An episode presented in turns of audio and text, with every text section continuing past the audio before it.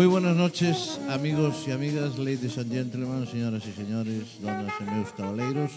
Aquí estamos unha noche máis dispuestos a escuchar mucho jazz, con tres locos del jazz y un agregado, y con una visita hoy. Buenas noches, eh, muy buenas noches, hombre, estoy encantado de estar aquí en el programa con vosotros. ¿eh? Bueno, pues eh, gracias por venir, estamos encantados de que nos acompañe y alguna cosa dirá después, cuando tenga usted opinión. Hombre, ahora que estoy retirado, pues, eh, pues bueno, tengo un poquito más de tiempo para escuchar el jazz, hombre.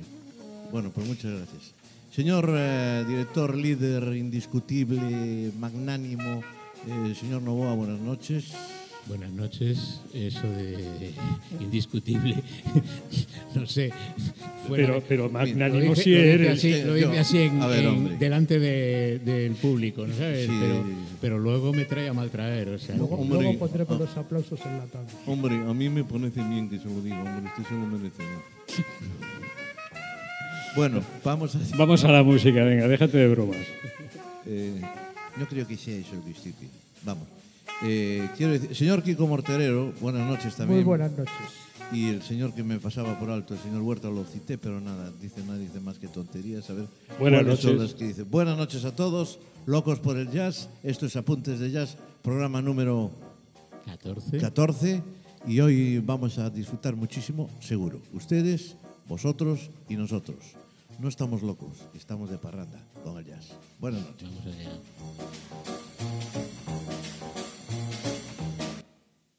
Bueno, pues vamos a comenzar hoy nuestro quinto programa dedicado al jazz fusión y fijaros qué cantidad de cosas hay para, para poder escuchar que seguimos anclados en los años 80-90 y, y todavía con mucha tela que cortar.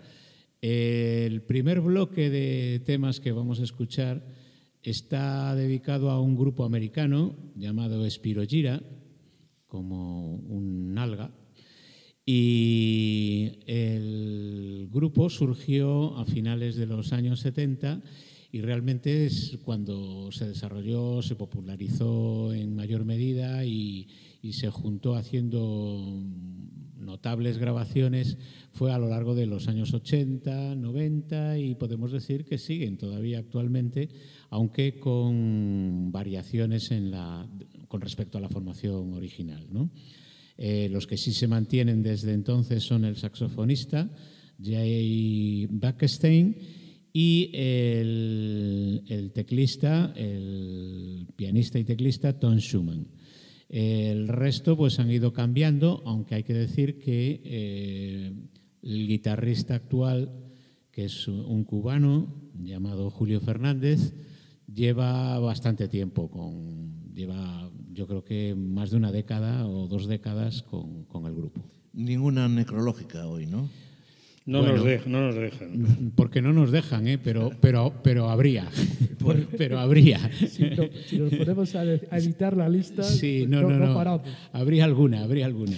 Pero sí- lo que sí merece la pena destacar es la intervención de los hermanos Beckett, Mitchell al, al saxo y Randy a la trompeta, que son, fueron unos maravillosos intérpretes de cualquier tipo de jazz.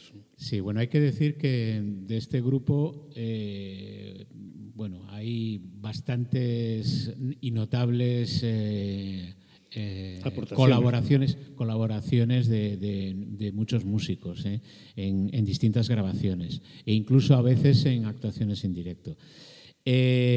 Vamos a empezar con, con uno de sus mayores éxitos, que es Morning Dance, disco que editaron en el año 79 y que probablemente fue el primer impacto fuerte, fuerte, ¿no? Y Fue el que le dieron el, el disco de platino en el 79 en marzo. Exactamente. Entonces, eh, muy bien ese apunte, porque digamos que a partir de ahí eh, muchas, muchas de, las, de las grabaciones han estado también con nominaciones de diversos premios. Eh, digamos que el, tipo de música que han hecho de siempre Spiro Gira es, es una, un, jazz fusión eh, muy, muy pegado al, Latin jazz y, también a lo que se ha dado en denominar también por algunos críticos smooth jazz. Así que vamos ya con Morning Dance.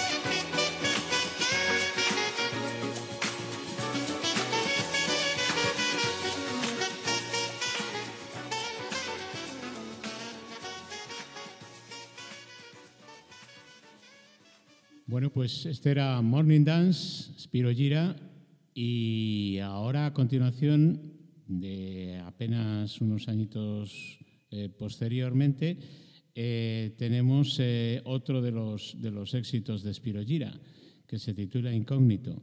Es un, pertenece a un disco del año 82 y también tienen múltiples colaboraciones, entre ellas nada menos que la armónica de Tut Tillemans y, y Marcus Miller y Steve Gadd a, Steve la Gadd a la batería. batería. O sea que hay, bueno, eh, es, es- han sido, han sido una, casi una constante que en muchos discos Había aportaciones variadas. había muchas aportaciones y eso sí, han mantenido bastante eh, uniforme un, un estilo y un sonido. ¿no? Está también el guitarrista Hiram Bullock y, bueno, y digamos que en esta, en esta versión todavía está el guitarrista original que se llamaba Chet Catallo y que fue sustituido por el cubano Julio Fernández más adelante. Así que vamos allá con Incógnito, Spiro Gira.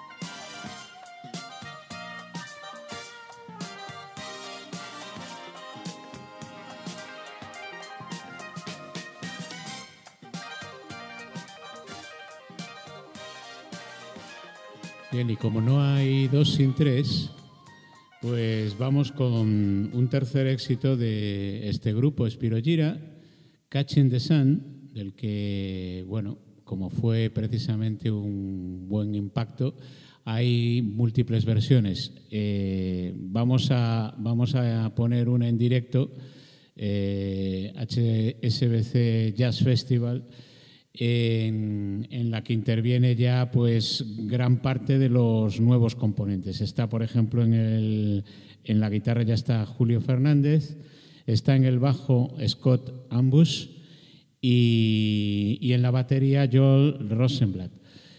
Eh, digamos que ya es digamos la formación más estable de los últimos tiempos. Sí, de los últimos tiempos es la más estable, salvo alguna algún cambio en la batería que se hizo en, algunos conciertos, en alguna, gira y algunas aportaciones con percusionistas también incorporados. Pero la, la, formación básica es esa, manteniendo a Jay Beckstein al, al saxo y Tom Schumann en los teclados. ¿no? Así que, Catching the Sun.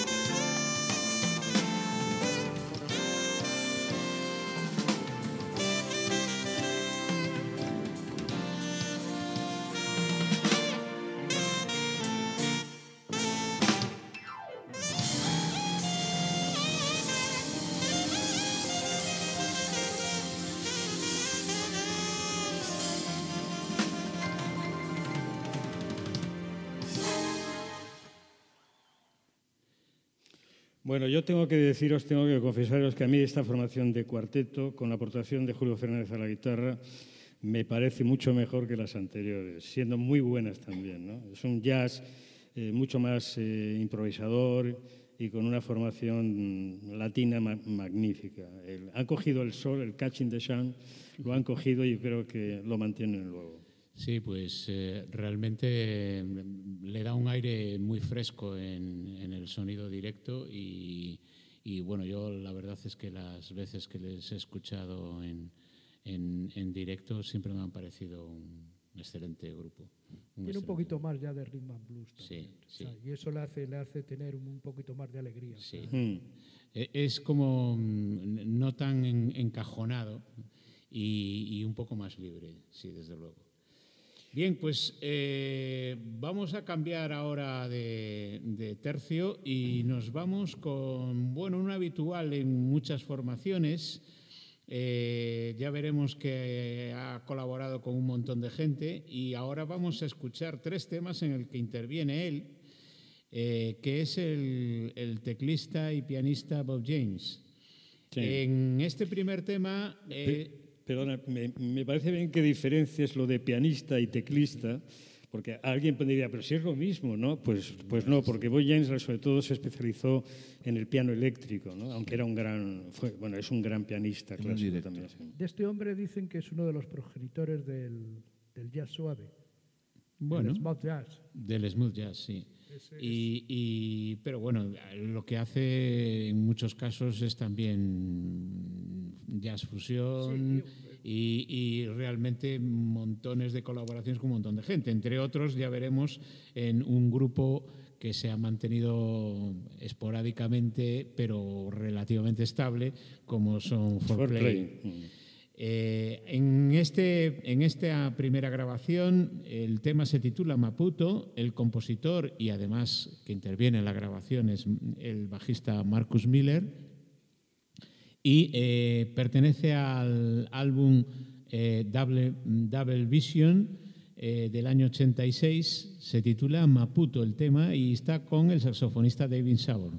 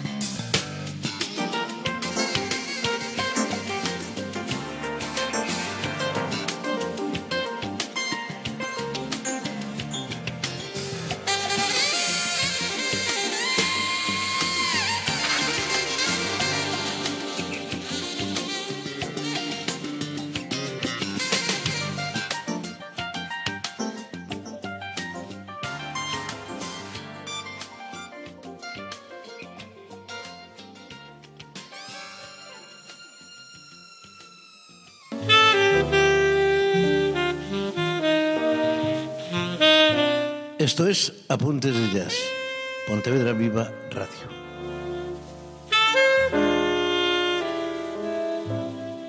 Oye, pues hemos escuchado una, una magnífica interpretación de Bob James y David Sambor con un sello indiscutible y poderoso siempre de Marcus Miller, con ese bajo que fue los primeros que, que presentó una máquina electrónica en, en, lugar de un bajo.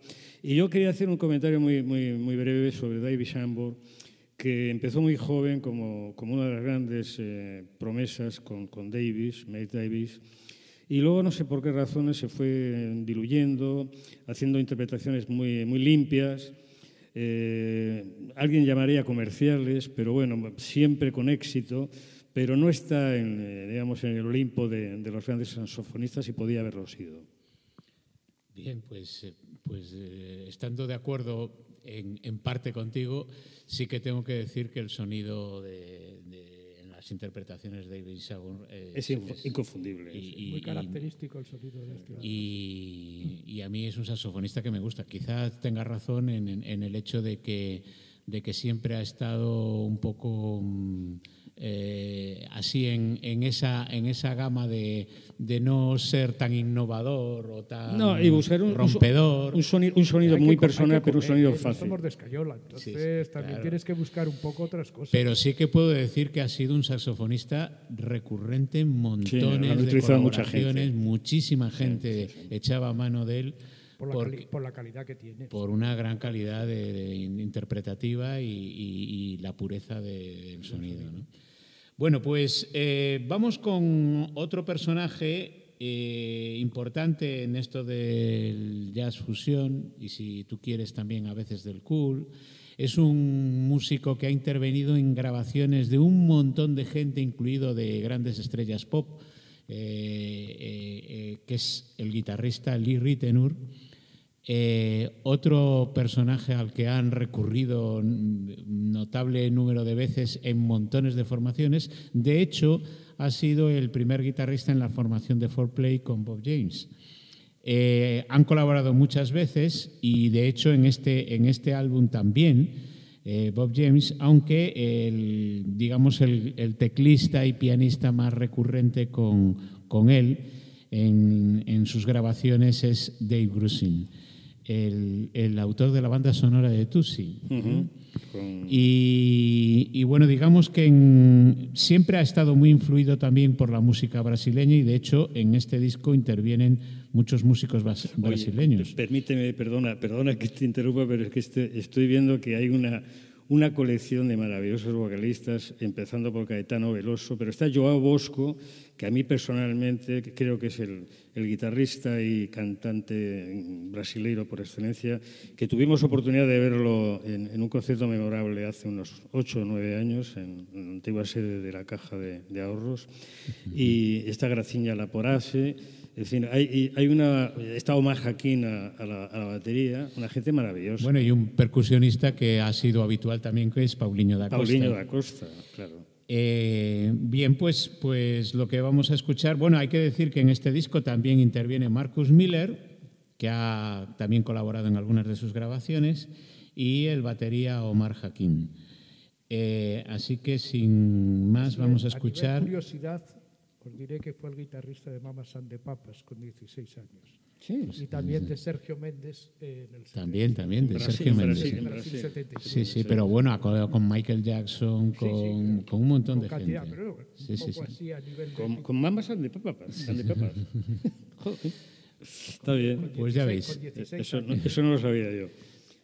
Y, y, es recurrente en montones de festivales de jazz actualmente, sobre todo nos dejaba está casi todos los años. Uh -huh. Bueno, pues vamos a escuchar a Lee Ritenour en Night Rings.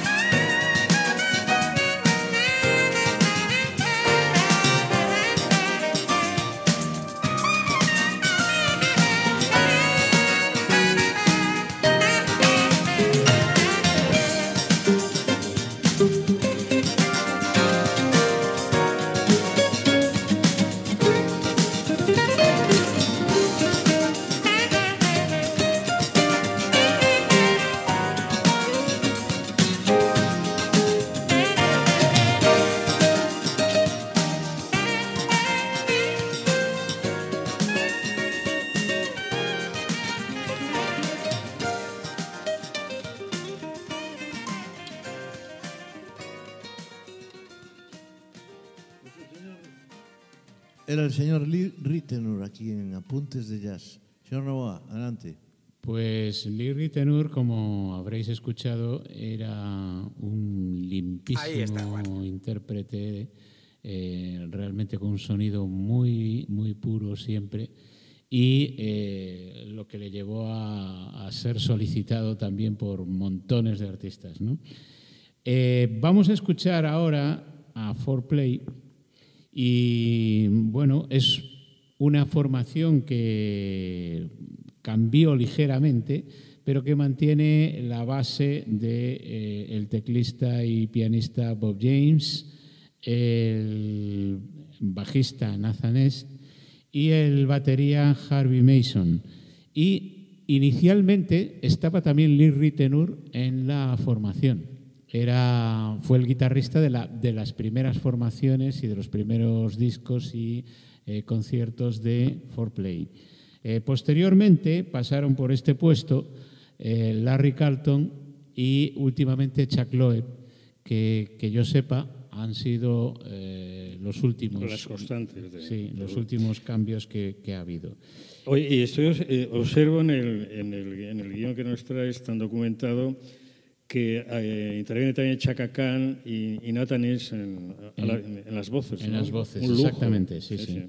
El, el, el, grupo For Play realmente, bueno, eh, pertenece a ese también especie de, de estilo smooth jazz y, y bueno, eh, jazz fusión, han hecho recorridos aunque cada uno de sus componentes luego hace colaboraciones con otros artistas, pues de vez en cuando se reúnen y hacen sus giras. Eh, muchas veces en Japón. La verdad es que hay un montón de, de conciertos que hacen en, en, en Tokio y, y, por ahí. Porque Japón realmente son, los japoneses son muy melómanos, ¿no? Sino que se lo digan a los flamencos. Sí, sí, sí. Y además son... tienen una extraordinaria capacidad para absorber músicas ajenas. Sí, sí, ¿no? músicas sí, ajenas. A los flamencos de España. Sí, sí, a los flamencos de España. No, no, no, los de Holanda. Este, bueno, pues vamos a escuchar este uno. tema es un poco mezcla de jazz, sí. blues, de pop, de un poquito de funky, o sea, sí, funky, sí. un poquito de mezcla de, Efectivamente. de todo. Por eso se llama fusion. Sí. Pues Between the Seats for Play, año 1993. Welcome to the stage.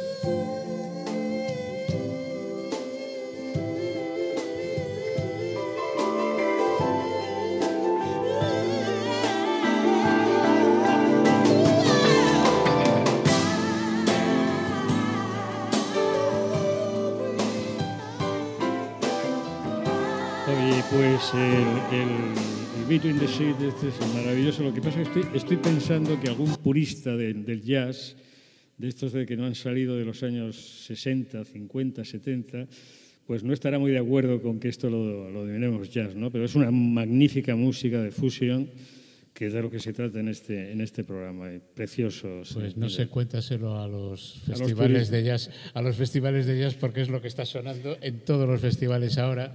Eh, Pero te Eh, quiero decir una cosa, los festivales de jazz ten- sobre todo tienen una preocupación, que es la financiación. Entonces, no te, no, no te extraña que, por ejemplo, en Vitoria, pues hay gente que, flamenca que no tiene nada que ver con, con el jazz. Bueno, bueno. bueno, dedicaremos. Ahí Sí, discutiremos. sí, discusiones. discutiremos. Bien, están cercanas, están cercanas. Dedicaremos, dedicaremos además algún programa precisamente a las fusiones con el flamenco de Pues, jazz. pero sí, Y, y- y nos falta, estoy dejando un poquito a un lado las fusiones en general con música europea, ¿eh? porque hay, yo tengo previsto por ahí una, una, por lo menos dedicar uno o dos programas a algunos, algunos eh, guitarristas, por ejemplo, franceses, eh, insignes, ¿eh? Eh, Que se lo merecen, que también aparezcan aquí, ¿no? que sí, evidentemente, y que están además también siendo reclamados en muchos festivales de jazz, así que mm, ah, los iremos, los iremos tocando Escuchando también. también. No te preocupes. Discutiremos contigo. Bueno, pues puristas o no, el que sí estamos de acuerdo es en el señor que viene ahora, Este es indiscutible. que es el señor Pat Metheny de nuevo. Que lo vamos Yo a creo que en la mesa ya, porque... Claro, porque, porque sinceramente em, creo que casi tendríamos que hacer el, el- el acuerdo de al menos poner un tema de él todos, Todos los programas, ¿no? Se lo merecen. La hora de Pat Metheny. El momento. Bueno, pues Pat Metheny, Here to Stay, eh, año 1995, del álbum We Live Here. ¿eh? Nosotros vivimos aquí. Adelante. Ahí está.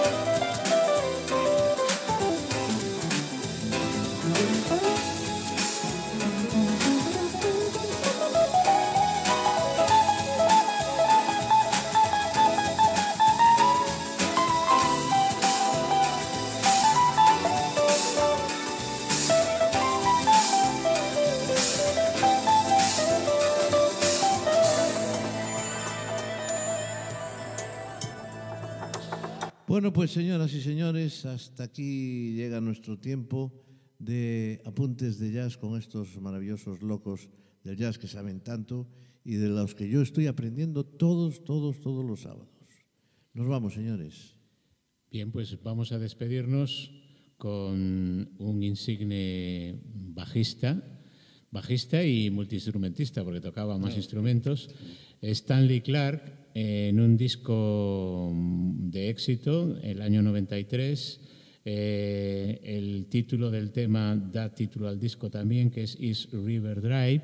Y bueno, toca con una playa de gente. Eh, es que es imposible citarlos a todos sí. porque re realmente hay unos veintitantos. Veintitantos. Veintitantos. Eh, ¿no? Bueno. Eh, eh, destacamos a Gerald Albridge al saxo, a George Duke a los teclados, hay más bajistas, Jean-Luc Ponty en el violín. El violín, efectivamente. Eh, etcétera, etcétera, etcétera. Así que con Stanley Clark nos despedimos. Nos despedimos. Muy bien. Pues buenas noches, Muchas amigos. gracias, amigos. Buenas noches y hasta la siguiente. Venga, hasta luego.